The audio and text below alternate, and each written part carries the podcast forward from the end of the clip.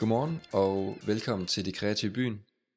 Jeg siger godmorgen. Øh, klokken er halv ni om morgenen. Det er, ikke, det er ikke så tidligt, som, som det kunne have været. Men normalt plejer vi at optage om eftermiddagen, hvor hjernecellerne er i gang, og, og et par liter kaffe har været inde i systemet, om ikke andet.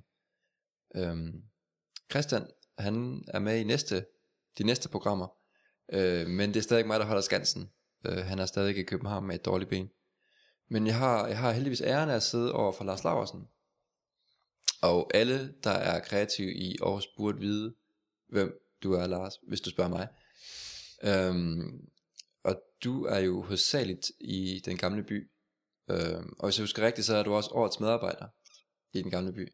Ja, det må jeg sige, det var en, det var en ære, jeg blev tildelt i år, som, som jeg selvfølgelig blev rigtig glad for. Det er jo et, der er jo mange ombuddet i den gamle by. Vi er rigtig mange kreative medarbejdere, som gør et kæmpe arbejde for stedet. Og i år var det så min tur. Det blev uddelt 10 gange, så, så, så nu er vi med i top 10. Jamen det, det er altid en god top at være i. Ja. Øhm, men men øh, ser du, du, du ser dig selv som, som en håndværker frem for kreativ, eller er du kreativ frem for håndværker? Nej, jeg, jeg, mit mål er at blive en, en habil håndværker, og så har jeg den, den grundholdning, at hvis man bliver så dygtig til sit håndværk, så kan det løfte sig op til at komme i nærheden af kunst, og kunst er jo svært begreb at definere, men man er ikke kunsthåndværker, men jeg synes, hvis man er, altså når man kan sit, øh, sit håndværk til det sublime, så kan det løfte sig op i visse tilfælde, hvor jeg kan definere det som kunst. Andre vil jo sikkert synes, at kunst er noget helt andet. Mm. Men, men for mig er det, det målet, det er at blive så dygtig til sit håndværk, at man, man synes, det er kunstnerisk. Ja. Og dit håndværk er øh, hovedsageligt, øh, siger jeg. siger hovedsageligt, fordi at du er jo et, et naturtalent til mere eller mindre alt, der kræver øh, præcision og, og, og håndsnil. Men det er skiltefaget, altså skiltemaler. Ja, det er det, der har, det er det, der har skolet mig. Det er der, ja, kimen ligger til alt det, jeg laver i dag. Det mm. er den, den uddannelse, som jeg tog som skiltemaler. Ja. Og du var ret ung, da du begyndte som skiltemaler, hvis jeg husker rigtigt. Ja, altså jeg har jo, altså det startede jo nok allerede, da jeg er 10-14 år, altså jeg kan ikke huske ikke præcis, hvornår jeg rigtig fik skub i det, men det har nok allerede været for 10-11 års alderen, hvor jeg begynder at tegne rigtig meget.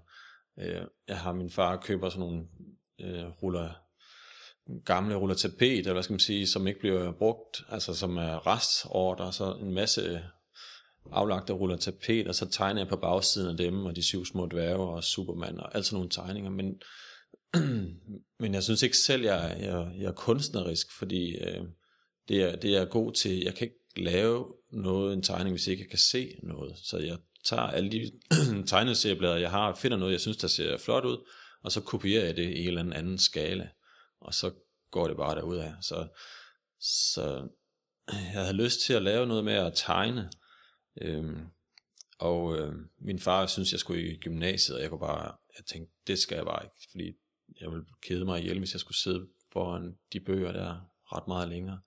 Så jeg var så heldig at komme i erhvervspraktik i 10. klasse, som ikke var særlig almindelig, så fik jeg en ekstra uge i praktik, og så havde jeg en, en kammerat, som var lidt ældre end mig, som var startet i skillemalerlærer, og han kom så ned på skolen og fortalte om det at være skillemaler, så tænkte jeg, okay, det, det, det lugter lidt af fisk, det er lidt mere at tegne og sådan noget, der er selvfølgelig også masser af maling og alt muligt andet, men øh, der ville måske være en mulighed for, at jeg kunne gøre det, og så øh, kommer jeg i praktik, og synes jo bare, at jeg laver et normalt stykke arbejde i, i den uge der, og tænker ikke mere over det, og så øh, er jeg hjemme i 14 dage, og har stadigvæk et halvt år tilbage i 10. klasse, og så blev jeg ringet op af den kammerat der, og spurgte, om jeg var interesseret i at få et arbejde.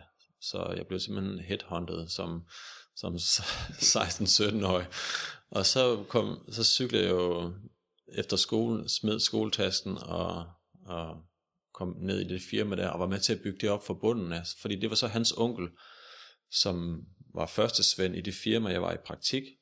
Og jeg havde ikke snakket, mailet et ord med ham, for han var sådan en stille for sagt øh, fyr. Men han var første svend i det firma der, og havde så umiddelbart øh, i den periode, jeg var der, gået og pynset på at starte for sig selv, og havde brug for nogen billig arbejdskraft til at hjælpe med at bygge det her firma op.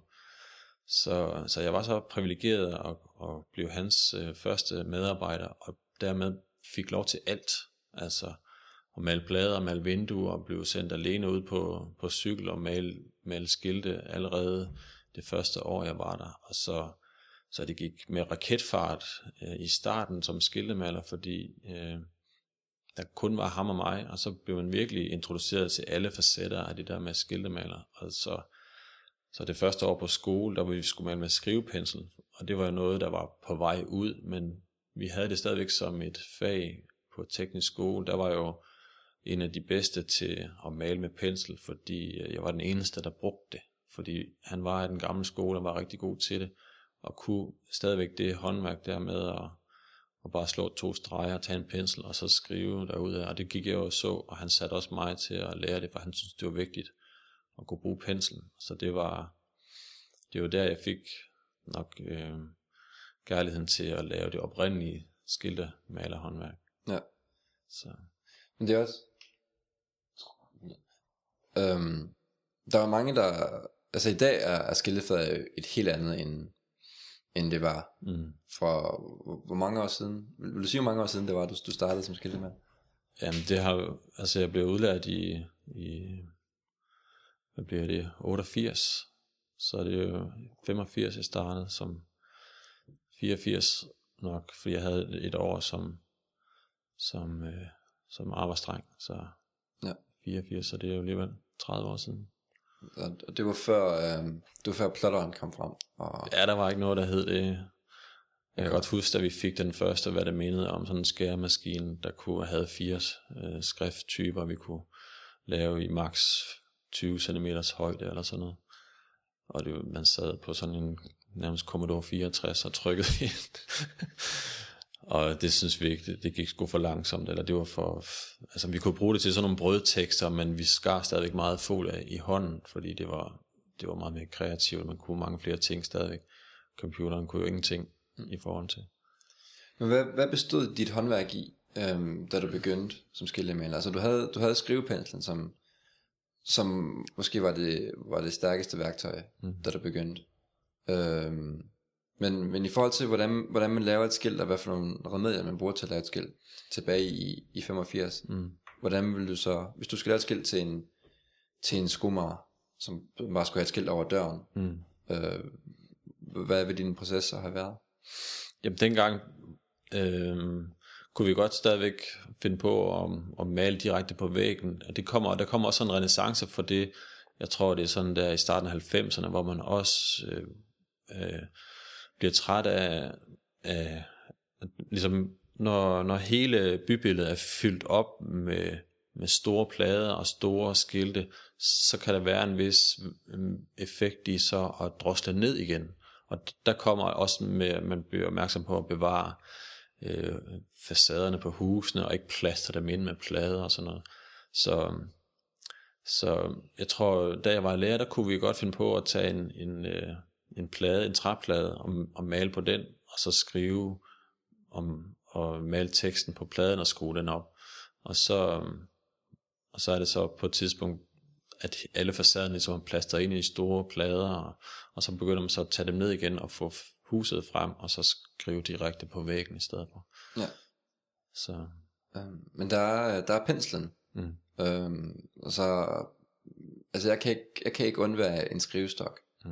Øhm, som også er et andet værktøj, som, som nogle skillemaler elsker, andre hader, så vidt jeg kan forstå på det hele. Ja. Og det er jo egentlig bare en pind med en, en dut for enden, man kan, man kan hvile sin hånd på. Øhm, jeg har fået at vide, at i, i tilbage i 60'erne, så var alle skillemalere enten alkoholikere eller meget underlige mennesker. Så det var sådan, ja, det, det, er jo, det er jo alt med de der fordomme, det kan man selvfølgelig godt... Øh, men det, altså det, er, det var en af de grunde til, at jeg forlod øh, skillemalerfaget, eller malerfaget. Det var, at jeg fik sådan en vis frygt for alle de opløsningsmidler, som jeg har indåndet som lærling, fordi de var hæftige. Nogle af de ting, vi lavede på præsendinger på lastbiler og sådan noget, det var med cellulose for tyndere baseret maling. Mm. Og vi måtte ikke male på det, mens de ansatte, der var på præsendingsfabrikken, de var der, fordi de ville ikke lukke til det der, så vi var nødt til at vente til de var hjemme klokken 4, og så måtte vi så svine deres atmosfære til med det her cellulose for tyndermaling, og jeg var lærling, og, og var jo altid den, der sagde ja til at arbejde, så jeg fik min dosis af det. Ja. Så, øhm, så det, og det er jo, cellulosefortynding, det er det samme som at drikke en ordentlig kasse bajer, kan man sige. Altså, man bliver påvirket af de, de, de dampe, ligesom når man drikker bajer, så, og, og tit så sker der så en dobbeltkonfekt jo, fordi de drikker ikke mere end andre gør, men fordi de så også får en kasse bajer, når de går på arbejde, fordi de arbejder med nogle midler, som giver den samme effekt, så bliver man jo noget rundtosset af, af dobbeltkonfekten der, og mm. det, det er jo så det, der gør det, men, men det er jo, altså jeg har jo en, en rigtig god ven på, på han snart være 95, som har været skillemaler. Han startede firma i Silkeborg i 1945, og han er frisk som en fisk som 95-årig, så der var ikke alle, der var alkoholiseret. Han har rørt stort set ikke alkohol, tror jeg.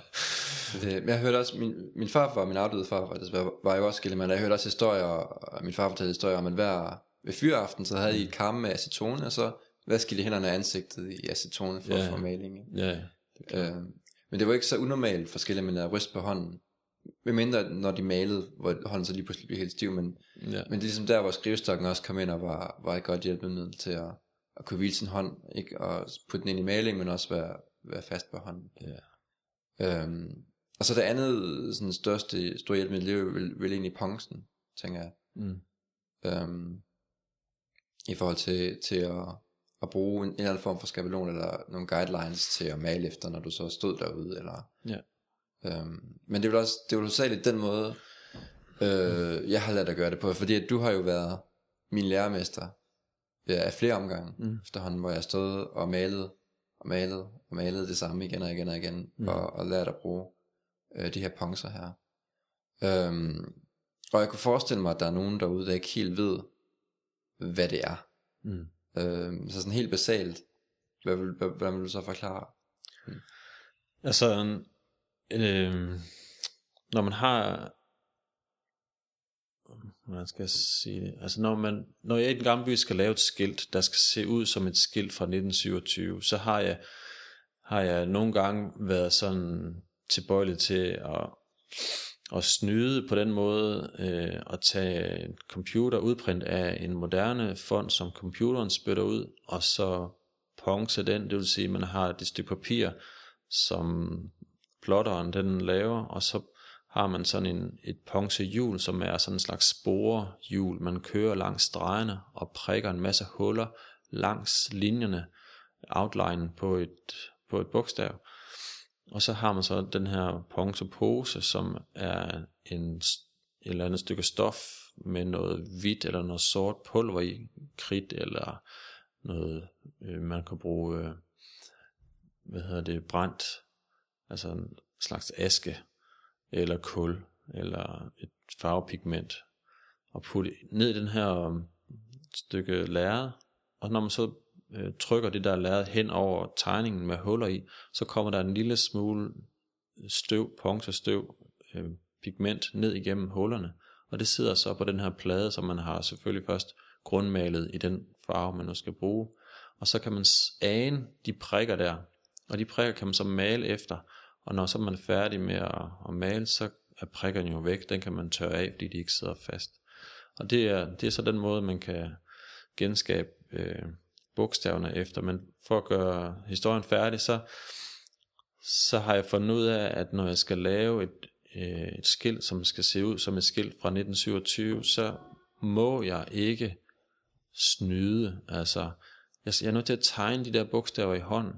Det kan godt være, at jeg, jeg skal tage en fond, som jeg kan se, men, men jeg er nødt til at lade hånden lave det arbejde, for i hvert fald for mig at se, at jeg skaber det fuldstændig autentiske udtryk, som gør, at man, hvis man har, hvis man har flere for det, kan fornemme, at det her, det er håndværk for dengang, det var håndens værk. Fordi uanset øh, hvordan man maler det, hvis man er en rimelig dygtig skiltemaler, så maler man efter stregen. Og, og når man gør det efter en streg, der er produceret af en computer, så udtrykker det her skilt moderne computerteknik. Og det går bare ikke i den gamle by, at, at det er i årstallet 1927, fordi der var der ikke computer til. Og, og det er det, jeg er glad for, at jeg har lært at tegne bogstaver. Og jeg har haft en anden lærling end dig, som, øh, som jeg har haft i et helt år. Og hun skulle udelukkende tegne og, og skabe bogstaver med, med, med blyant og tegne dem op i hånden og male nogle meget små bogstaver, og så alle mulige øh, bogstaver på en telefonkiosk, vi skulle genskabe en, faktisk en, der stod her i Aarhus, og den telefonkiosk skulle have en masse reklameskilte i vinduerne, og de skulle alle sammen være håndmalet, og den gamle by havde ikke øh, råd til at betale min løn for det, fordi de skulle bruge rigtig mange penge på at bare renovere kiosken. Og så, øh, og så fik jeg så den idé at, at søge en, en Plan Danmark fond, og Plan Danmark er sådan en, en fond, som går ind og støtter unge mennesker i at lære et håndværk, man ikke kan lære mere andre steder. Så vi fik øh, løntilskud til, til den der kvindelige øh, maler i næsten et helt år, til hun kunne lære at male bogstaver med hånd. Og der skulle hun tegne rigtig mange bogstaver, og det var simpelthen så svært for hende, fordi hun var af en sådan pige totalt modsat end mig, da hun fandt ud af som seksårig, at hun ikke kunne tegne, så holdt hun op med det. Altså fordi man på et tidspunkt i sin udvikling kan gå to veje, altså hvis ikke man bliver ved med at tegne, eller hvis man får den der frygt for at tegne, fordi at øh, at øh, man synes ikke, det ligner det, man har inde i hovedet, og så siger man til sig selv, jeg kan ikke tegne. Og, og hvis man så ikke har nogle forældre, der bakker en op og, og siger, pyt nu med det, du kan gøre forsøg alligevel. Og, og hvordan man nu bakker sine børn op, så øh, hun mistede i hvert fald øh, lysten til at tegne, fordi hun ikke synes, hun kunne tegne. Hun er fuldstændig formidabel til at male efter en streg, fordi hun er uddannet maler. Og hun kunne male den mest perfekte lige streg. Men da jeg skulle sætte til at tegne de der bogstaver, det var faktisk sådan, jeg var nødt til at bringe hende tilbage til sit stadie, hvor, hvor hun slap som seksårig. Og det er stadigvæk svært for hende, fordi hun altså, har ikke den der, det der blik for, hvordan tingene ser naturlige ud. Altså det der med at se noget, og så kan få hånden til at lave det. Altså hun kan godt se, når det er forkert, men hånden kan alligevel ikke lave det. Og det var, altså det var til sidst, så var det jo sådan lidt frustrerende for mig, fordi jeg tænkte, for og så et eller andet ord, og så tænkte du må da kunne se det der, og det, øhm, og jeg, jeg havde bare så ondt af hende, at hun skulle så langt tilbage, så jeg gav hende den der Betty Edwards øh, bog om at øh, tegne er at se, for jeg tænkte, hun er nødt til at komme igennem de der elementære ting, hvor man, fordi jeg kunne se i hendes bog, som jeg også selv har brugt, øh, at øh, hvis man får de rigtige værktøjer, så kan man godt øh, udvikle sig, selvom man er sent i livet. Så jeg tænkte, der må være noget der, hun kunne bruge. Så, så men, men øh, det var jo fordi, at jeg kunne godt have spyttet alle bogstaverne ud på computer, eller jeg kunne godt have tegnet dem for hende, men det, var, vi, det måtte jeg jo ikke, fordi det var jo kun hende, der, der fik løn, kan man sige. Jeg skulle bare undervise hende, og så holde hende i gang. Så, så hun er rigtig glad for det, hun er blevet øh, næsten lige så passioneret for at male bogstaver, som du er, men, øh, og vil gerne blive ved. Og jeg er faktisk ved at prøve at etablere et skilt, som hun skal aflægge som sin svendeprøve.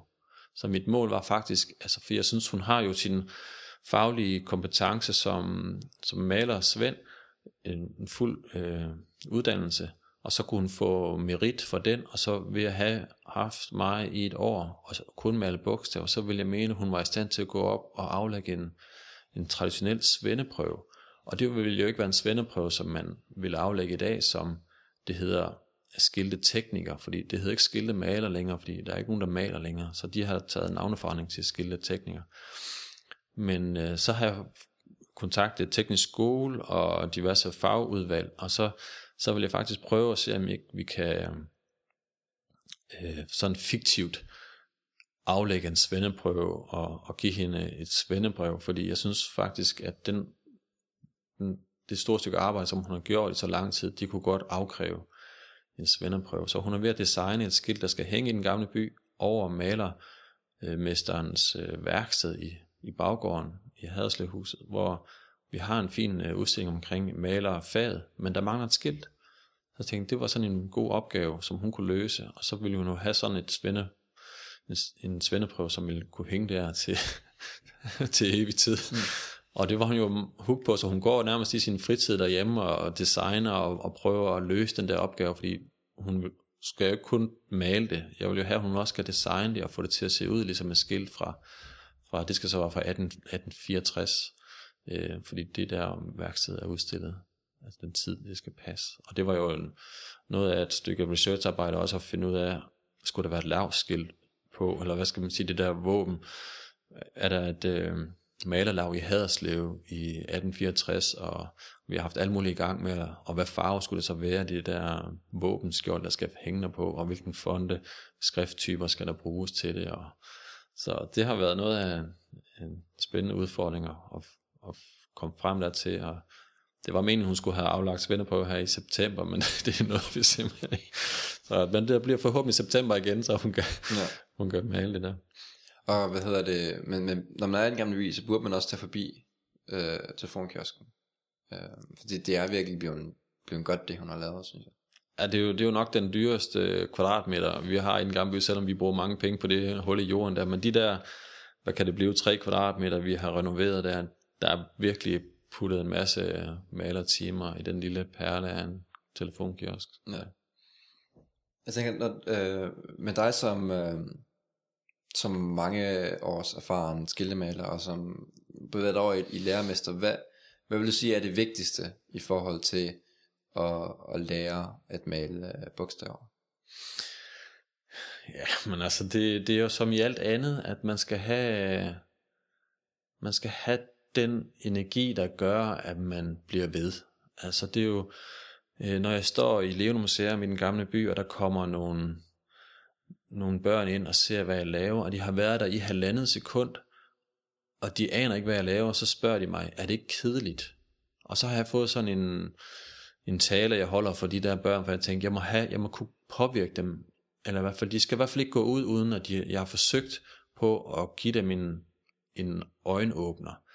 Fordi jeg siger til dem, øh, jamen, jeg spørger dem, hvad er det, der er kedeligt? Og så står de og tænker lidt. Så siger jeg, jamen, det, der er kedeligt, det er det, du op i hovedet beslutter dig for, er kedeligt. Så hvis du med din mentale overbevisning kan, kan overbevise dig om, at det, du laver, det er spændende, så er det jo spændende. Og det er jo faktisk det, der skal til for, at man kan, kan lære et håndværk, uanset hvad det er, det er, at man synes, det er så spændende, at man ikke kan lade være. At man simpelthen øh, lever det, ånder det og tænker det og drømmer det hele tiden, og, og altid, alt det man berører med, det er, øh, det, det drejer sig om det fag, man gerne vil lære. Så, så er kimen i hvert fald lagt til, at man kan lære det, man har lyst til, hvis man beslutter sig for det. Og så, øh, sådan rent teknisk, så er det jo faktisk, når jeg ser på min, min egen historie, at man bruger hånden til at forme noget med, altså man tegner et eller andet, og det er jo, fordi det jeg har lært øh, ved at tegne og tegne og tegne og kopiere, det har jeg kunne bruge på alle de andre ting, jeg har lyst til at lave, som, som billedskærer og som bødker og, og som skillemaler selvfølgelig. Så, så det, det var et rigtig godt øh, fundament at bygge de andre ting på, at man kan, at man kan se, altså man kan omstille det man ser øh, og kanalisere det ud igennem hånden, og så lave det. Øh, og den, den evne, den, øh, den er guld værd i rigtig mange fag, som har med håndens arbejde at gøre. Mm. Ja, jeg tror udholdenhed også, øh, som du nævner, er ret vigtigt. Altså vi som mennesker, vi har vi udvikler en æstetik, for vi udvikler vores talenter eller evner. Ja. Øhm, for det kan jeg også selv huske, øh, det, hver eneste gang jeg laver et eller andet, så kan jeg godt se, at det ikke er lige så godt, som jeg gerne vil have det til at være. Mm.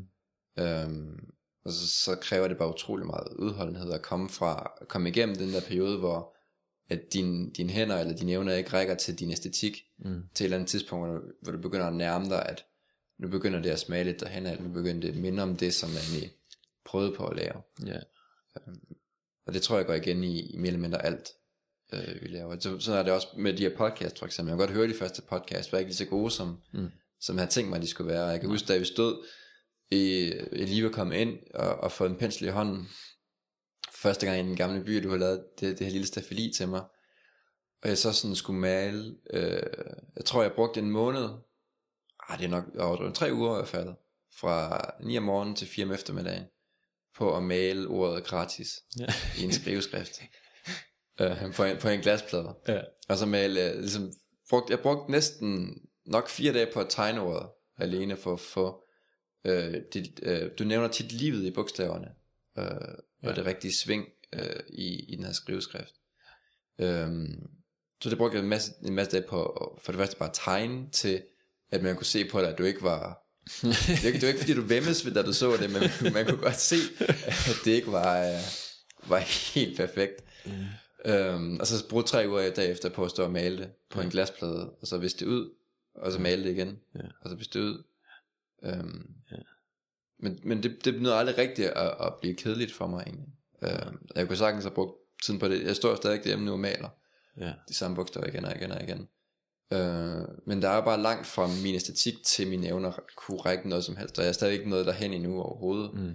Øh, men jeg kan godt mærke, at jeg kommer lidt tættere på Ja. fra gang til gang. Men der, der får jeg lyst til at fortælle en historie, som jeg tror, jeg kan huske det hele af om, om øh, og det er måske det, der har inspireret mig til at tvinge dig til at stå i så lang tid, fordi der er den historie om en kejser, som befaler sin, kun, sin kunstner, huskunstner at, at lave en tegning af en øh, hane. Og så siger kunstneren, ja, så gerne, jeg skal levere en, herre, en hane om en uge. Øh, og så går kunstneren så hen til sit atelier og går i gang, og så kommer kejseren så en uge efter og siger, må jeg se øh, hanen? Nej, den er ikke færdig nu. Nå, okay. Og noget skuffet konge, går, eller kejser, går tilbage og venter så, hvor lang tid skal jeg så vente? Ja, en uge mere i hvert fald. Og så venter han troligt den her uge mere, og kommer tilbage så og siger, nej, den er stadigvæk ikke færdig. Der skal mindst bruge 14 dage mere. Oh, man blev noget forvirret og tænker, hvor, hvor søren, øh, hvorfor skal det tage så lang tid? Han er jo kunstner, og det burde han nok kunne. Nå, men så går der så 14 dage, han kommer, og så øh, siger han, Nå, er den så færdig? Ja, nu er den færdig. Og så, hvor er den henne? Ja, i øjeblik, så tager han så et, stykke, et stykke papir og en pen, og så tegner han den der hane, mens han ser på det. Og så, så tænker den er godt nok flot, men du har jo lige lavet den. Hvorfor skulle jeg så vente i så mange uger? Så ja, nu skal jeg vise dig det. Så åbner han døren ind til sit øh, sidegemak der, og så rummet fyldt med tegninger af den her hane, som han jo så har kasseret, eller som han ikke var tilfreds med. Og, og der var ligesom øh, min øh, filosofi med at tvinge dig til at lave det samme ord igen og igen, det er ved at, ved at lave gentagelse af den samme ting, kunne man måske nå ind til, til, øh, til det æstetiske kerneudtryk i det lille produkt ved at, ved at være så standhaftig og, og tro mod håndværket, at man havde lyst til at bruge så lang tid på så lidt. Mm. Fordi det er jo det, det er. Men det er jo det, så det, der kan berige ens liv i, i mange år frem. Fordi så har man et lille, meget lille område, som man kan rigtig godt. Og så kan man altid hænge sin hat på det, og så sige, jeg har virkelig styr på de, de fem bogstaver her, øh, og så de andre, de er en lille smule anderledes, men, men så kan jeg godt transformere det over til de andre bogstaver, og så, mm. så få styr på det, fordi så kommer man ind til den der, den, det stærke udtryk i, i, i det, fordi, og det var det, det der var lidt sjovt med min historie, som, som jeg godt kunne tænke mig at fortælle, det var, da jeg gik i skole, øh, og jeg, de så jo alle sammen, at jeg kunne lide at tegne, og så når vi skulle lave nogle skilte i, i skolen, sådan plancher, som man altid skulle lave, når man havde lavet noget, så sagde de så, Lars, du må kunne tegne nogle bogstaver, og jeg havde som pesten at tegne de der bogstaver, fordi det var så svært. De blev så grimme, jeg kunne simpelthen ikke finde ud af det. Øh, så det ville jeg, så tænkte jeg, jeg skal aldrig lave bogstaver, fordi det er simpelthen så svært. Og så ville skæbnen så, at jeg skulle blive skiltemaler, og ikke arbejde med andet end bogstaver, så det synes jeg var lidt, og så det var ligesom, hvis man har en forbi, så skal man kureres for den ved at blive på, massivt påvirket af det der, man ikke kan lide. Og nu er det jo det skønneste, jeg kan se, altså det, som giver mig den største øh, æstetiske oplevelse, det er jo at se et perfekt formet bogstav, fordi det er så, øh, altså, det er jo så, altså, ja, hvordan skal jeg sige det, at se de der gamle øh, egyptiske bogstaver, man der er mejslet ind, som, som er noget, altså nogle af de første øh, fonde, som, som de skabte, eller den skrifttype, som er så klassisk, den er jo ikke overgået nogensinde, selvom man har million milliard fonde i dag, så er der ikke nogen, der slår den i æstetisk udtryk, når du spørger mig i hvert fald. Og, og jeg skal lave nu et skilt til Tornborg, det nye hus i den gamle by, og der har jeg valgt den klassiske skrift. Nu vil jeg simpelthen lave en øh, male en tekst, hvor, hvor i den indgår, fordi jeg synes simpelthen, øh, det er noget af det smukkeste, man, man kan se på. Det er de helt rene æstetiske bogstaver der, som er skabt ud fra en, en geometrisk grundlov, som jo er skabt af øjets øh, øh, opfattelse af at se, hvad, hvad der er smukt. Der er jo ligesom det gyldne snit og sådan nogle ting, som man ikke kan diskutere. Det er bare en del af mennesket, og hvis man skaber en fond ud fra de regler, så, så bliver det bare smukt. Helt sikkert. det er også en af de, de meget svære skrifttyper at, at male med pensel. Ja. For jeg kan sige næsten, der er vel ikke så umuligt, der, for der er nogen, der mestrer det. Men det er virkelig sådan en, man, man ikke lige giver sig i kast med til starten. Ja, men det, ja, men det er fordi, den, det er jo ligesom, hvis man skal, hvis man skal, jeg har nogle gange øh, også i min karriere som øh, sløjtlærer givet mine elever den udfordring at snitte en, en, en kugle ud af et stykke træ. Øh, og, og når man skal snitte en kugle, så er det virkelig noget af det allersværeste, fordi den er jo kun rund et sted. Øh, og det kan, det kan øjet med det samme se, hvis den ikke er perfekt rund, som en støbt kugle, så er den ikke rund. Og derfor kan man blive ved med at snitte på det stykke træ der, fordi den bliver jo næsten aldrig rundt, fordi det er så svært at lave fuldstændig perfekt. Men man kan jo komme så tæt på, så man stadigvæk kan se, at vi er inden for målet, og, og så ved at man så kan fornemme, at der er brugt rigtig meget energi på at fremstille den her kugle, så får den jo så det der udtryk, som jeg, som jeg mener, man kan se, når noget er skabt i hånden. For hvis jeg drejer en kugle, det er ikke så, altså, det er ikke så kraftfuldt et udtryk, som hvis den er snittet, fordi den får ikke det samme energi. Den stråler ikke af den samme energi, som hvis den er snittet i hånden. Det, det leder egentlig godt videre, tror jeg, fordi at, at du var skillemaler i mange år, og så blev du sløjtlærer. Ja, jeg fik lyst til at lave noget andet, for jeg var bange for at blive ved med at blive massivt påvirket af de der mm. opløsningsmidler. De var selvfølgelig væk, men jeg kom i en periode ind og malte for en traditionel øh, malermester, og der havde vi nogle af de der oliemalinger, som vi brugte meget, og det var så ikke så oplevelsesmidler, men der gik man rundt og fik øh, øh, tynd mave i stedet for det der linolie. Når man er i, i et lukket rum med linolie, så, så bliver man ikke rundt i hovedet, men sådan lidt øre i, i maven i stedet for. Og så fik jeg bare lyst til at prøve noget andet, for jeg synes ikke, der var ikke, øh, det var ikke min stærke side. Jeg følte mig ikke så, jeg synes jeg var rutineret på nogle områder som skildemaler, men da jeg kom ind til ham der, så var det så kunstnerisk udfordrende, at det tog simpelthen luften ud af ballonen, så jeg fik lyst til at lave noget andet. Og så fandt jeg den her uddannelse i Kataminde, hvor man på tre år kunne blive sløjtlærer, og ikke andet. Det vil sige, at vi fik tre år til kun at lære det ene fag. Vi kunne altså ikke komme ud i folkeskolen og undervise, fordi vi kun havde det der ene emne, vi kunne undervise i. Øh, og det var en fantastisk uddannelse for mig, fordi den var så selvstændig. Altså, det var lidt ligesom universitetet, eller hvad skal man sige, man, man skaffede selv sin, sin opgave, og var lidt sin egen lærer også. Vi havde selvfølgelig en vejleder og en underviser, men det var meget øh, altså bundet op på, hvor vi selv ville hen med det, og jeg valgte så at beskæftige mig med, med, med det helt elementære, med at, med at snitte i træ med kniv og økse. Jeg fandt en fuldstændig fantastisk mester langt op i Sverige, som, hvor jeg var i et halvt år uden for lov og ret. Der var to kilometer til postkassen, hvor han boede, så det var virkelig, så når han sov til middag, han var jo 71, så, så cyklede jeg eller stod på ski op og hentede post op i postkassen. Og der var jeg og levede og åndede i hans værksted, øh, kun med ham i, i, jeg tror sammenlagt i fire måneder, øh, hver dag øh, fra 8 morgen til 10 aften, og vi snakkede ikke om andet end træ og, og snitte, og var sammen hele tiden, og lavede altid noget, så når, når hans kone sad og så fjernsyn op foran øh, og i stuen, og så sad vi med hver vores ske og snittede der, og, med forklæde. Så det var, det gik virkelig i blodet på mig, øh, det med at, med at få en passion for håndværk, fordi han var altså en gudsbegavet øh, underviser, og jeg var privilegeret ved at være kun sammen med ham, for han tager jo måske 2500 for et ugekursus, hvor der er 12 andre. Og jeg havde ham så alene i, i 3-4 måneder, så det var virkelig, jeg tog jo et kvantespring i min sløjt øh, erfaring, da jeg var sammen med ham i så lang tid der. Så det var jo en, en fuldstændig fantastisk gave, jeg fik af ham, og det, det er jo lidt det, jeg føler mig nu privilegeret til at give den videre, fordi han har givet mig den gave, fordi han tror på, altså han var troende på en måde, hvor han havde lyst til at give mig det, han havde lært.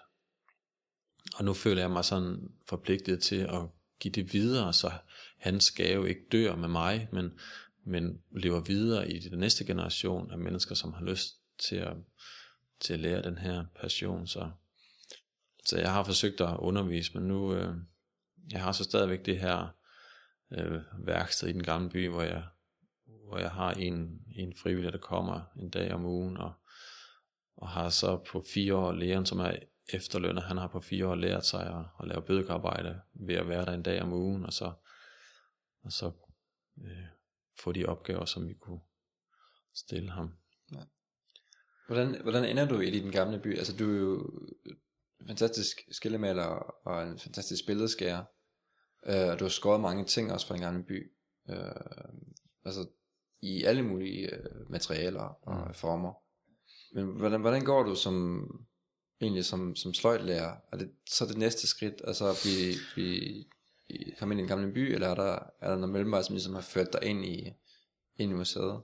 Jamen altså det, det som jeg arbejder på nu Det er jo faktisk det jeg startede med Da jeg henvender mig til den gamle by I 1998 Med min taske fyldt med træting jeg, Som jeg har lavet op i Sverige Og på mit studie der henvender mig til den gamle by øh, Fordi jeg er arbejdsløs Og, og sidder i en kold kolonihave øh, Her i Aarhus Og jeg har lige flyttet til Jeg har ikke nogen venner og kender ikke nogen Og jeg tænkte jeg må kunne bruges til andet. Jeg har ikke bare lyst til at sidde her med, jeg synes, jeg har kunnet en fantastisk masse spændende ting, så det måtte kunne bruges et sted. Og så går jeg som min første intuition i en gamle by, og kommer i en samtale med overinspektøren, daværende Birgitte Kær.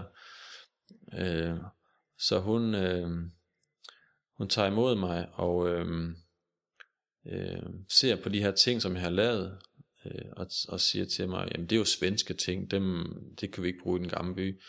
Så siger han, det er jo hvad jeg har lavet, det er jo ikke ens betydende med, at det er det jeg kan lave, så du kan give mig en udfordring, og jeg skal løse den. Og så, så sagde jeg, jeg kunne bare forestille mig, at jeg sad et sted øh, på en trappesten med en pind og, og snakke lidt med gæsterne, og så måske var der nogen, der kom forbi og bestilte et eller andet hos mig, eller opdagede, at jeg kunne noget, og så fik kontakt. Så jeg har faktisk lyst til at lave sådan en slags levende museum, og dengang var der ikke noget, der hed levende museum, som jeg forstår det, i hvert fald ikke noget, der viste håndværk. Der var måske en, en butiks, en, en butiksvend nede i købmandsbutikken, men ikke ret meget levendegørelse af, af historien i den gamle by. Så de vidste ikke lige, hvad de skulle stille op af min henvendelse, men så ringer de alligevel øh, dagen efter og spørger, om jeg kan lave øh, to heste til deres juleudstilling. Og det kunne jeg jo ikke finde ud af, øh, men det tog jeg ikke at sige til dem. Så så ringede jeg op til min mester deroppe i Sverige, for han var svensk mester i at snitte heste. Han har fået en fantastisk pris, da han var 12 år for at snitte sådan en fuldstændig fantastisk hest, og fik 5 kroner i præmie. Og jeg har siddet på hans øh, lille værelse og set og beundret og ligget på knæ foran de der fuldstændig fantastiske træskulpturer og tænkt, så dygtig bliver jeg aldrig. Jeg turde ikke at gå i gang med at lave sådan en hest. Men da jeg så fik den her opgave, så ringede jeg op til ham og spurgte, om kan man komme og hjælpe mig, fordi så kan jeg måske få noget mere arbejde i en gamle by så sagde han det, som jeg aldrig glemmer. Så sagde han, nej, du skal bare tage du et stykke træ, og du skal jo bare snitte det væk, der er for meget, så får du en hest. Og jeg tænkte, okay. det var noget af en udmelding. Det kan du sagtens gøre, gå du bare i gang. Og så gik jeg i gang, og så løste jeg den opgave der, og de var tilfredse, og så begyndte jeg lige så stille at få nogle andre opgaver. Skulle lave noget spændende på Møntmestergården. Alle de der bjælkeender, der sidder på Møntmestergården, skulle genskabes. Så det er faktisk det, som øh, jeg har kæmpet for lige siden 98. Det er at blive en formidler af håndværk. Og det er det, direktøren nu endelig har erkendt og tildelt mig tre timer om ugen, hvor jeg må øh, arbejde for at udvikle det værksted, som jeg har hånden på i Vestergade, hvor der er et bød, bødkerværksted og et billedskærværksted. Og så har jeg min øh, skiltemaler håndværk, som jeg også gerne vil levende gøre. Og nu har jeg været på gaden i går med min skasslippervogn, som også er jo et håndværk, som jeg ynder at, at udøve. Øh, så, så jeg har de fire ting, og jeg har en god ven, der er bogbinder, som du også kender, som også gerne vil være, øh, have et øh, bogbinderværksted. Så, så det, hvis jeg, hvis jeg ja, det gør jeg. Ender min, min dag i den gamle by, og så bliver det for mig at se optimalt, hvis det bliver som, skal man sige, øh, overordnet ansvarlig for levendegørelse af håndværk i den gamle by. Fordi det Thomas tildeler mig, vores direktør, tildeler mig tre timer til, det er ikke, at jeg kan lave det selv, men at jeg kan få andre til det. Og dermed få en masse mennesker, som har levet liv og viden på et eller andet håndværk, og ynder at, at blive ved med det, fordi der er jo mange, som går tidligt på efterløn stadigvæk, og ikke er færdige med at arbejde, men vil ikke gøre det sådan med faste rutiner, hvad skal man sige, men gerne lægge en, en dags arbejde for et godt formål, og for at, og gøre det, de synes er sjovt, og så, øhm, så kan de komme i den gamle by og vise det håndværk for gæsterne, og så er min, mit job så at sørge for, at de har noget at lave, og sørge for, at der er gode arbejdsvilkår til dem, og, og, og de har nogle spændende ting at lave, og de kommer, har noget netværk med hinanden, og og jeg kunne godt drømme om, at vi kunne få flere af de håndværkslag, for vi har jo et, øh, et lav, som sørger for, at alle telefonerne i den gamle by fungerer som en gamle øh, jysk telefonmedarbejder. Og så er der øh, radioterne, dem der laver Pauls Radio, de har også et, et lav derinde.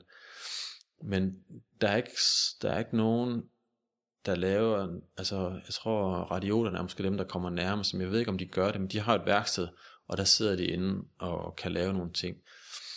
Øh, så de, det vil jeg mene, at der kan man være heldig at se nogen reparere en radio, men øh, jeg kunne godt tænke mig at få gang i nogle af de der håndværk, hvor man kan se øh, et produkt, når det er færdigt, og eventuelt optimalt vil man kunne købe disse produkter, som de laver, fordi at skabe sådan en autentisk souvenir, man kan tage med sig hjem, øh, vil være fantastisk for mig. Jeg skal jo her i weekenden op og dreje nogle af de der småkageform, som jeg har solgt måske 250 af, og drejet på mit gamle træde drejebænk fra 1898, øh, som var sådan en, en lille ting, som jeg fandt på at lave, fordi de havde den oppe i Havbogade, oppe i den gamle by, og de der køkkenpiger sagde, Lars, jeg tror godt, du kan sælge nogle af dem der, fordi alle spurgte, hvor man kunne købe sig sådan en, en fin udstiksform.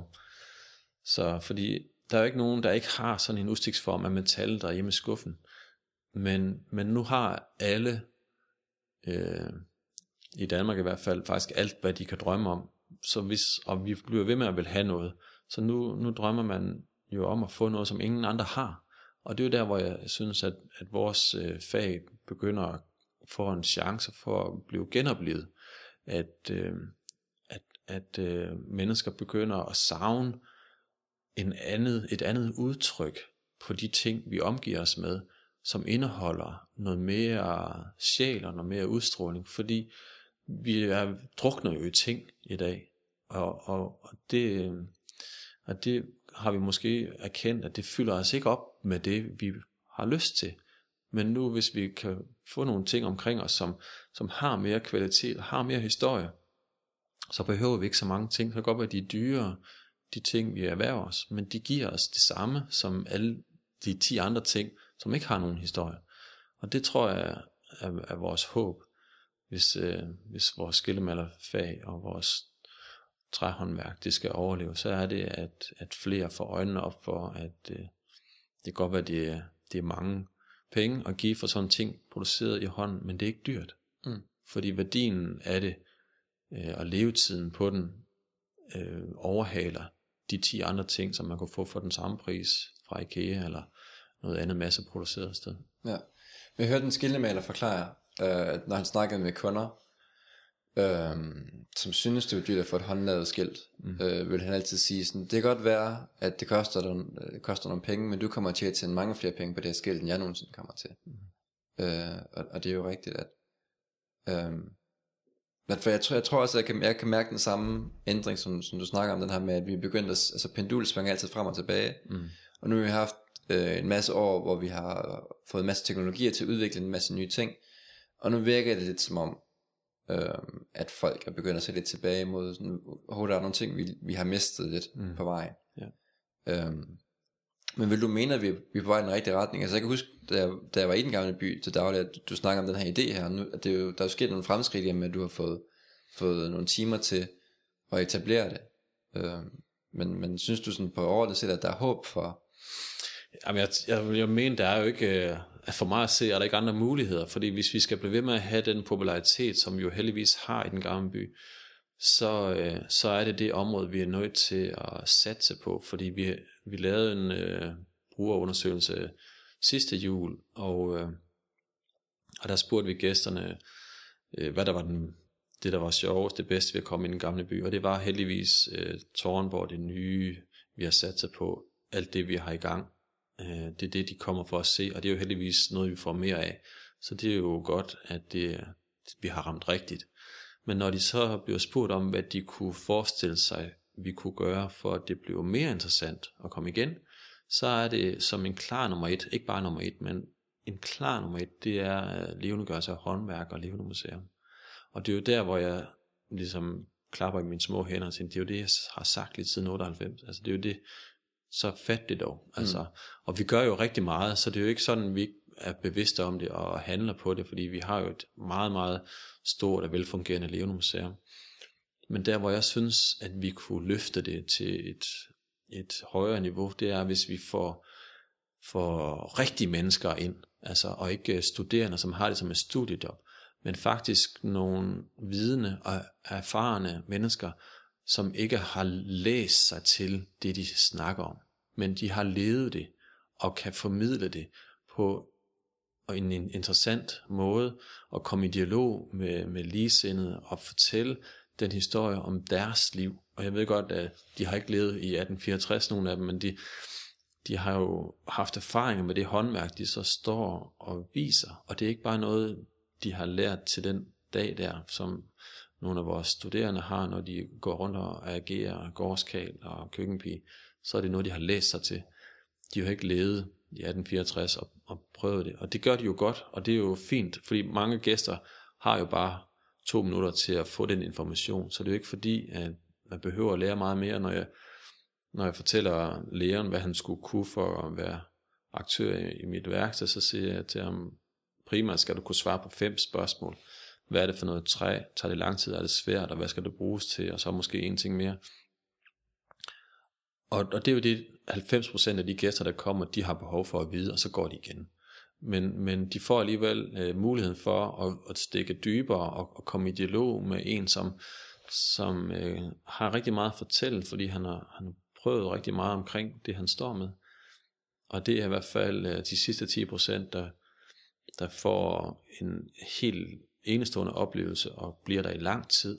Altså, nogle gange så har jeg haft, øh, når jeg står og drejer, er det specielt, øh, hvor jeg får børn ind, som faktisk ikke vil med videre. Så siger det, står de voksne der og hiver dem i ærmer og siger, vi skal videre, vi, det er det første sted, vi er inde, og der er meget, vi skal se. Og så hvor jeg siger, jeg siger hvis nu han synes, det her er det eneste rigtige, hvorfor så ikke lade ham blive her? Fordi altså, hvis det, man rammer et eller andet, man kan se på nogle børn, de er simpelthen fuldstændig fascineret af at se den der drejebænk dreje rundt, og, og træet, der springer fra øh, emnet der, og, og vil se den blive færdig, og hvordan den bliver snittet med hjertet, og alt det der. Så, så det synes jeg virkelig, øh, at, at det der er noget at satse på, det er, at vi får levende gjort nogle flere håndværk en gang. Hvad er næste skridt så nu? Jamen det er, her i, i øh, onsdags kom der en gæst ind og besøgte lægen, og han kom ikke derfra.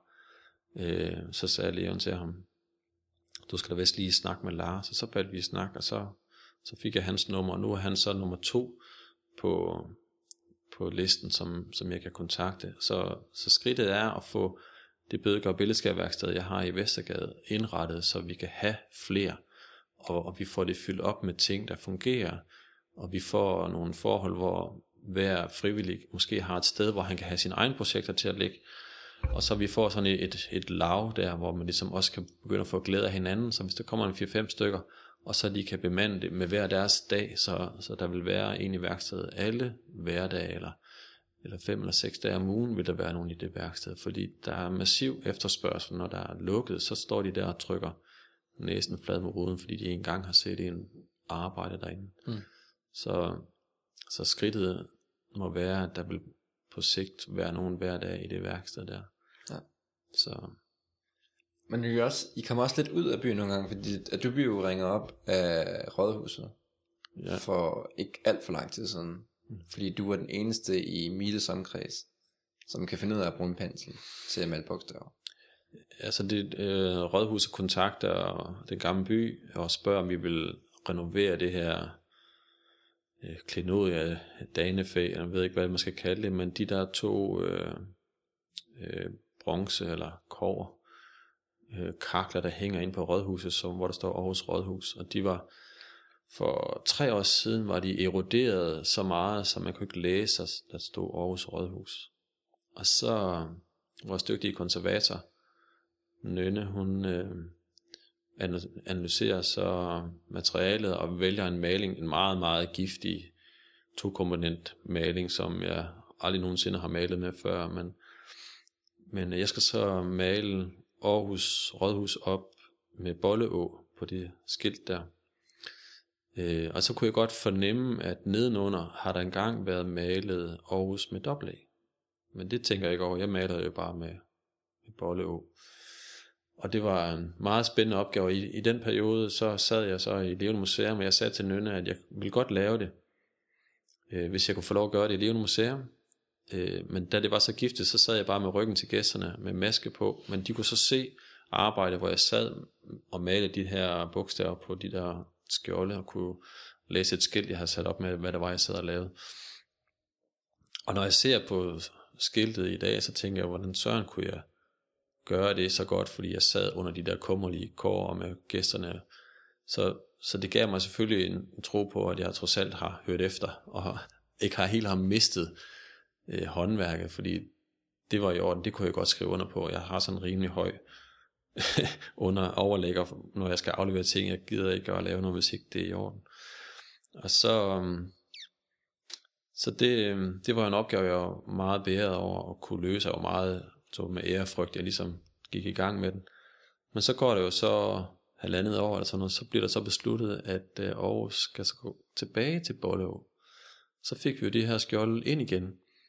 Og så skulle jeg, vores dygtige konservator så fjerne det der møjsommeligt perfekt malet øh, maling, som jeg havde øh, malet for halvandet år siden. Og jeg tænkte, det kan jeg ikke gøre igen lige så godt. Fordi jeg rører jo ikke penslen så tit længere, når jeg nu har alle de der dygtige lærlinge og elever til at lave alle arbejder for mig. Men jeg måtte så gøre det en gang til. Og så sagde de først, om kvik bare rens A'et af, og så lave to A'er foran, øh, så kan og man kan lige klemme dem lidt, og de kom med alle mulige forslag. Så sagde jeg bare, ikke på min vagt. Altså, vi er simpelthen nødt til at gå forfra og rense det hele af, så der kan blive en rigtig spatiering, en rigtig afstand i bogstaven, for jeg vil ikke lave sådan noget halvgjort gerning der på sådan noget fint. Øh, Arne Jacobsen designede øh, tingene, og det kunne jeg simpelthen ikke øh, få mig til. Så hun måtte møjsommeligt rense alt teksten af, og så kunne jeg så male det op en gang til. Nu håber jeg så ikke, de har ændret det tilbage igen til, til Bollo. Vi kommer tilbage næste måned, så vi skal have det ja. Øhm, men det, det tror jeg, det er, for jeg har siddet med et spørgsmål i et stykke tid, og det tror jeg passer meget godt ind i forhold til, hvad er et godt skilt for dig? Eller hvad er det ligesom, der udgør et godt skilt? Jamen det er jo, at der, der er tegnet nogle flotte bogstaver. Det er altså øhm, valgt en, en smuk øh, skrifttype. Det er nok det, jeg synes, øh, jeg vægter højst. Jeg er ikke ret god til farver. Når jeg, når jeg skal sætte farver på ting, så rådfører jeg mig altid med nogen. Jeg, selvfølgelig, jeg, jeg kan nogle elementære grundregler, men sådan med smag og med farver, der kan jeg se, hvad det ser godt ud, men jeg har svært ved at vælge det selv. Så jeg kan jo se, når man har ramt rigtigt med farverne. Så det synes jeg selvfølgelig også er vigtigt. Øh, og det er selvfølgelig det, jeg er misundelig på dem, der kan det, for det, der er virkelig noget, der mangler af den kreative del, når man vælger farve. Så, øh, så det er, altså det er et smukt malet bogstav, hvis det er penselmalet, og står, og står flot, det er simpelthen, øh, det er det, der giver mig gåsehud, når jeg ser sådan et håndmalet, mat, materet skilt der, der har siddet i mange år og bare står fuldstændig, som om det var spyttet ud af en computer. Men med den udstråling, som et håndmalet bogstaver altid vil have. Mm. Og udover den gamle by, er der så nogle steder i, i byen, som du ligesom kan komme i tanke om, der hænger der stadigvæk et skilt, der er værd at se på. Jamen, øh, jeg falder jo altid over håndmalede skilte. For eksempel så, jeg tror det er nede i Nørregade, der sidder der sådan et skilt på væggen der, hvor, hvor jeg stadigvæk har de, de gamle, eller den næste gade, jeg er ikke så god til gadenavn i Aarhus, men der er, der er enkelte steder, som, hvor man stadigvæk har de gamle øh, skilte, der sidder tilbage, selvom de ikke er aktive længere. Så men det, er, det er få steder, Mm. man ser dem. Ja, altså jeg kan, jeg, jeg kan nævne dem på en hånd, eller sådan de steder, jeg kan huske. Altså der er en gammel øh, møbelpolster i på Langelandsgade, Mm. og så er, er der øh, i Vestergade, Ja, der hænger der også et skilt. jeg tror det var det, jeg tænkte på. Ja. Øhm, der hænger et på vej op, eller der er det, det er nyere et, men det er stadig håndmalet på vej op efter magasinet op mod øh, busgaden. Ja. Øhm, men, men udover det, så, så kan jeg heller ikke, sådan, jeg, regner- jeg synes, der er rigtig langt imellem Ja. snapsene. Og til gengæld, det har jeg også, jeg har også lukket en masse, jeg, ikke, jeg ved ikke, hvor meget galt jeg ud, men jeg har lukket en del ud omkring, hvor forfærdelig skiltedesign er blevet. altså, fordi at, at nu, det handler om, altså det der slår skiltefaget ihjel, så, så vidt jeg har ligesom har, har kunne nå frem til, det var øh, computeren, plotteren og computeren, men at det lige pludselig bliver meget hurtigere, lige pludselig bliver meget billigere, og det virker lidt som om, at æstetikken røg med ud af vinduet sammen med prisen. At det skal bare være så hurtigt som muligt. Mm. Øhm, der er stadig nogen, der er virkelig gode til at lave, lave skilte på computer, men der er så også rigtig mange, hvor de bare har taget nogle, nogle, nogle hurtige flammer for et eller andet billede, og sat op med en eller anden skrifttype i lyserød, og så står der et eller andet. Mm. Øhm, Altså, min, min mester forklarer det, øh, ham har jeg stadigvæk kontakt til en gang, men han synes, at, øh, at det gik galt, da, da de der ting blev så billige, at alle kunne erhverve sig dem, og så kunne alle uden øh, uddannelse jo slå sig ned som skillemaler. Det var ikke beskyttet på den måde, at man skulle have en treårig skillemaluddannelse eller skilleteknikuddannelse for at starte et skillemalerfirma.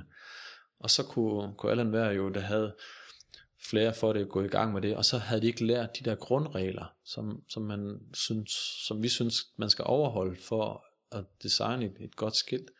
Og så kørte de jo bare alt, hvad de synes så flot ud, kørte de jo bare op på et eller andet produkt, og så, og så var det et skilt, og så var det fint, og de kunne jo lave det billigere og hurtigere end, end andre, og så fik de jo pludselig meget at lave, og så, og så kan det jo godt være, at de bliver dygtigere, men det kan også godt være, at de, når de ikke har den der skole, ligesom bliver ved i den forkerte retning, fordi de ikke har haft de der grundlæggende regler at bygge det op på. Mm. Så jeg tror, det er der, der, der går rigtig galt. Ja, altså det, altså alle i dag, der har en computer, er jo kunstnere og designere og Mm.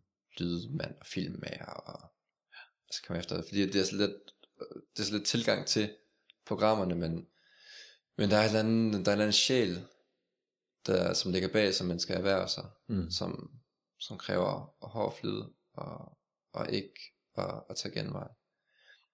Og jeg er stadig i gang med at lære det der med, med hård flid og ikke, ikke genvej, men, men jeg synes, øhm, for mig får jeg noget helt andet, altså så får jeg noget specielt ud af at være i den gamle by og se, hvordan, altså at tænke over, at alt det her, det egentlig er lavet i hænderne. Altså, Mm.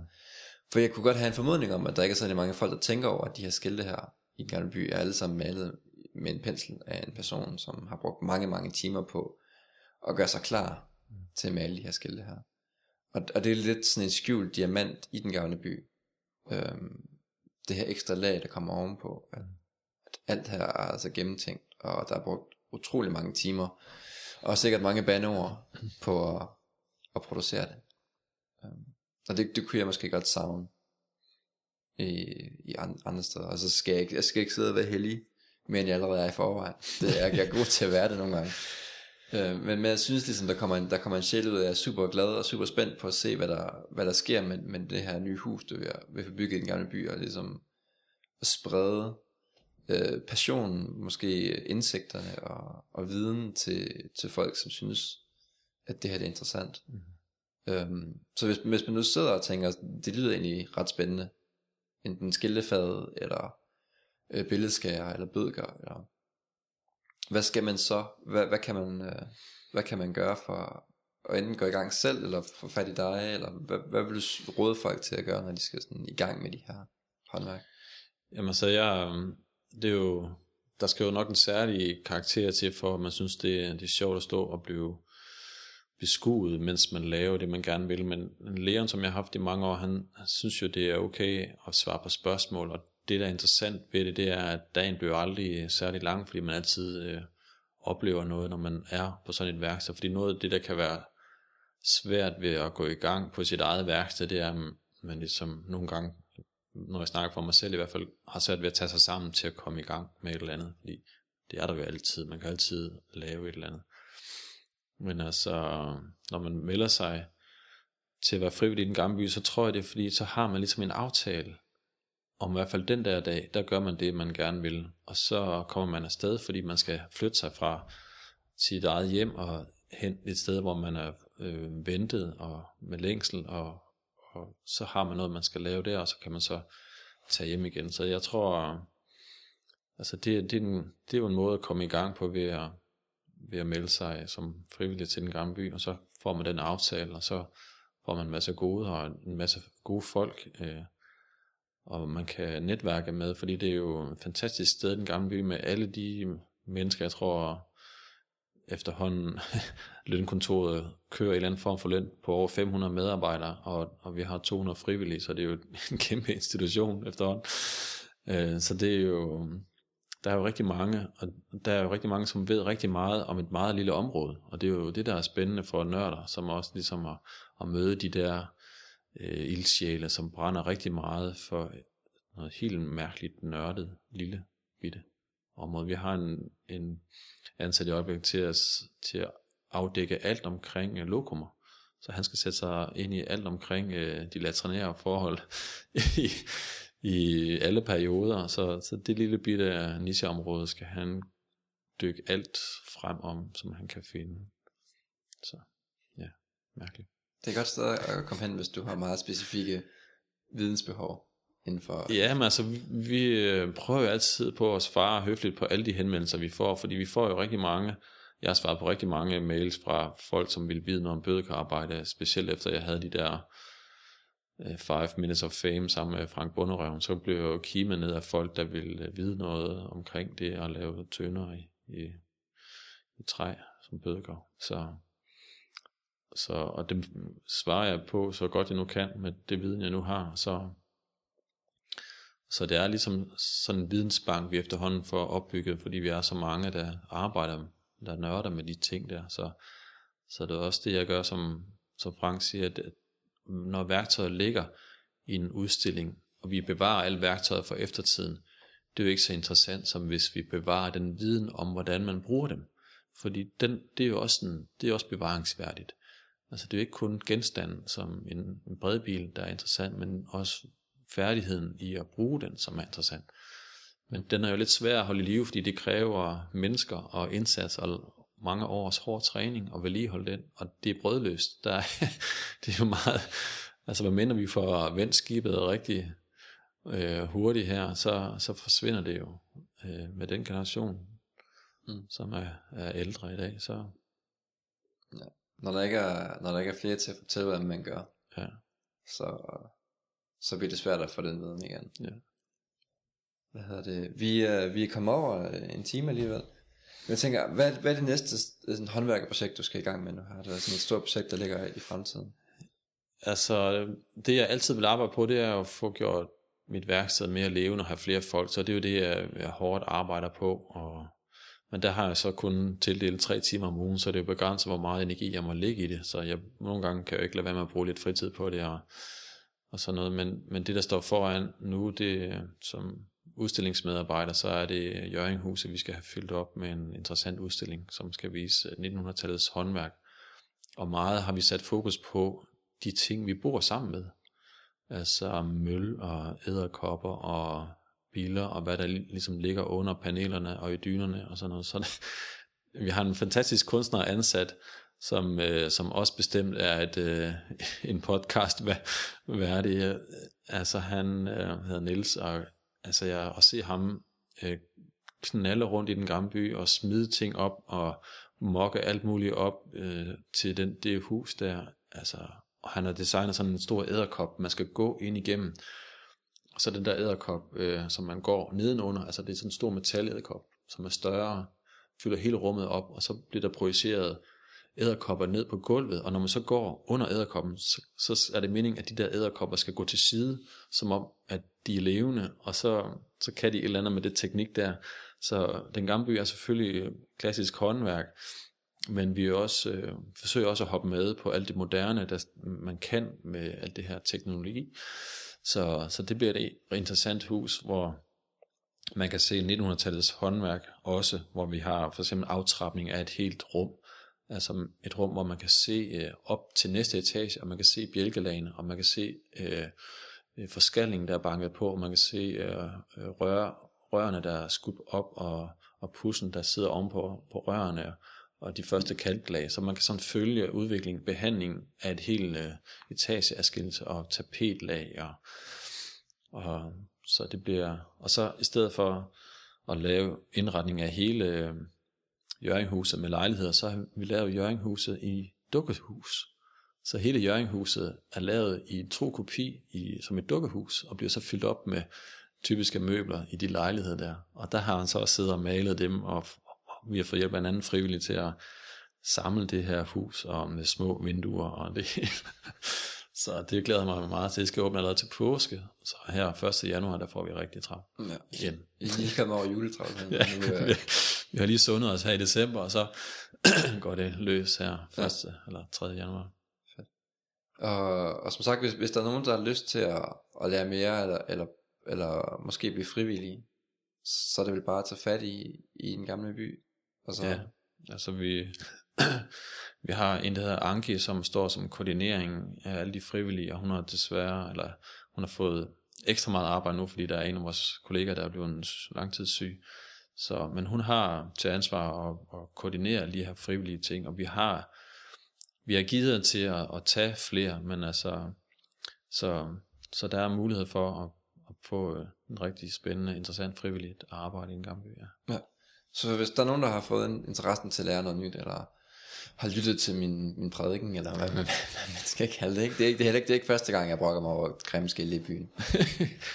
øhm, så, så tag lige fat, men også alle dem, der ikke har været i den gamle by, fordi man tænker, at det er gammelt, og det er, det er nok kedeligt, så, så burde man gøre sig selv en tjeneste, og, og gå ind og, og se. Om ikke andet så håndværket er de dygtige for, at der er været der, men også al den viden, som, som er derinde. Øhm, men altså, vi, vi, er, vi virker lidt over tid, men øh, jeg tror, det er et godt sted at stoppe her. Men vi vil gerne sige mange tak, fordi du gad at bruge, bruge den tid. Jeg ved, du er en travl mand, øh, at komme ind og, og snakke om, om dit håndværk og, og dele din viden. Øh, jeg håber ikke, at det var alt for smertefuldt. Og, Ej, jeg var glad for at blive inviteret. Jeg føler mig bedre over at være i, i dit liga, som du kalder de kreative i byen, for der var bestemt kompetente forgængere for din podcast. Så tak det, for det. Jeg er glad for, at jeg endelig, endelig fik tid til at få dig herind. Det, det var en plan lang tid. Um, og jeg har også fået en ny stol, fordi at uh, sidste vært, Esben, som laver Rocketcast, han brokker sig noget over, min stol knirkede så meget, at den snakkede med. Så vi er vist at, at, at få det op og køre ordentligt nu her. Uh, men, men tusind tak. Uh, altså vi kommer nok til at være sammen igen det i den nærmeste fremtid. Um, og så er der vel ikke så meget andet tilbage at sige, end at det her det var afsnit, jeg tror det er nummer 27 af De Kreative Byen, som er produceret af Christian Svarts og mig, René Sørensen, med støtte fra Rocketcast. Vi er en del af Hidden Gems øh, podcast kollektivet. Øh, vi er en ud af fem podcasts, som ligger derinde, som er enten hver anden uge eller hver uge. Og vi har lige fået en ny podcast med ind i kollektivet, som hedder Planet Mondus, som er et, et journalistisk blik på, på nogle af de ting, som sker rundt omkring i verden, som bestemt er et, et besøg værd. Men gå ind på hiddengems.dk øh, og tjek ud alle de, øh, de podcasts, vi har til jer derinde. Der er nok podcast til, at man kan undgå familien resten af julen, og låse sig i et rum og, og lytte til de her episoder her. Vi er tilbage igen om to uger med en ny kreativ person og Christian Svarts. Øh, så indtil da, på genhør. thank you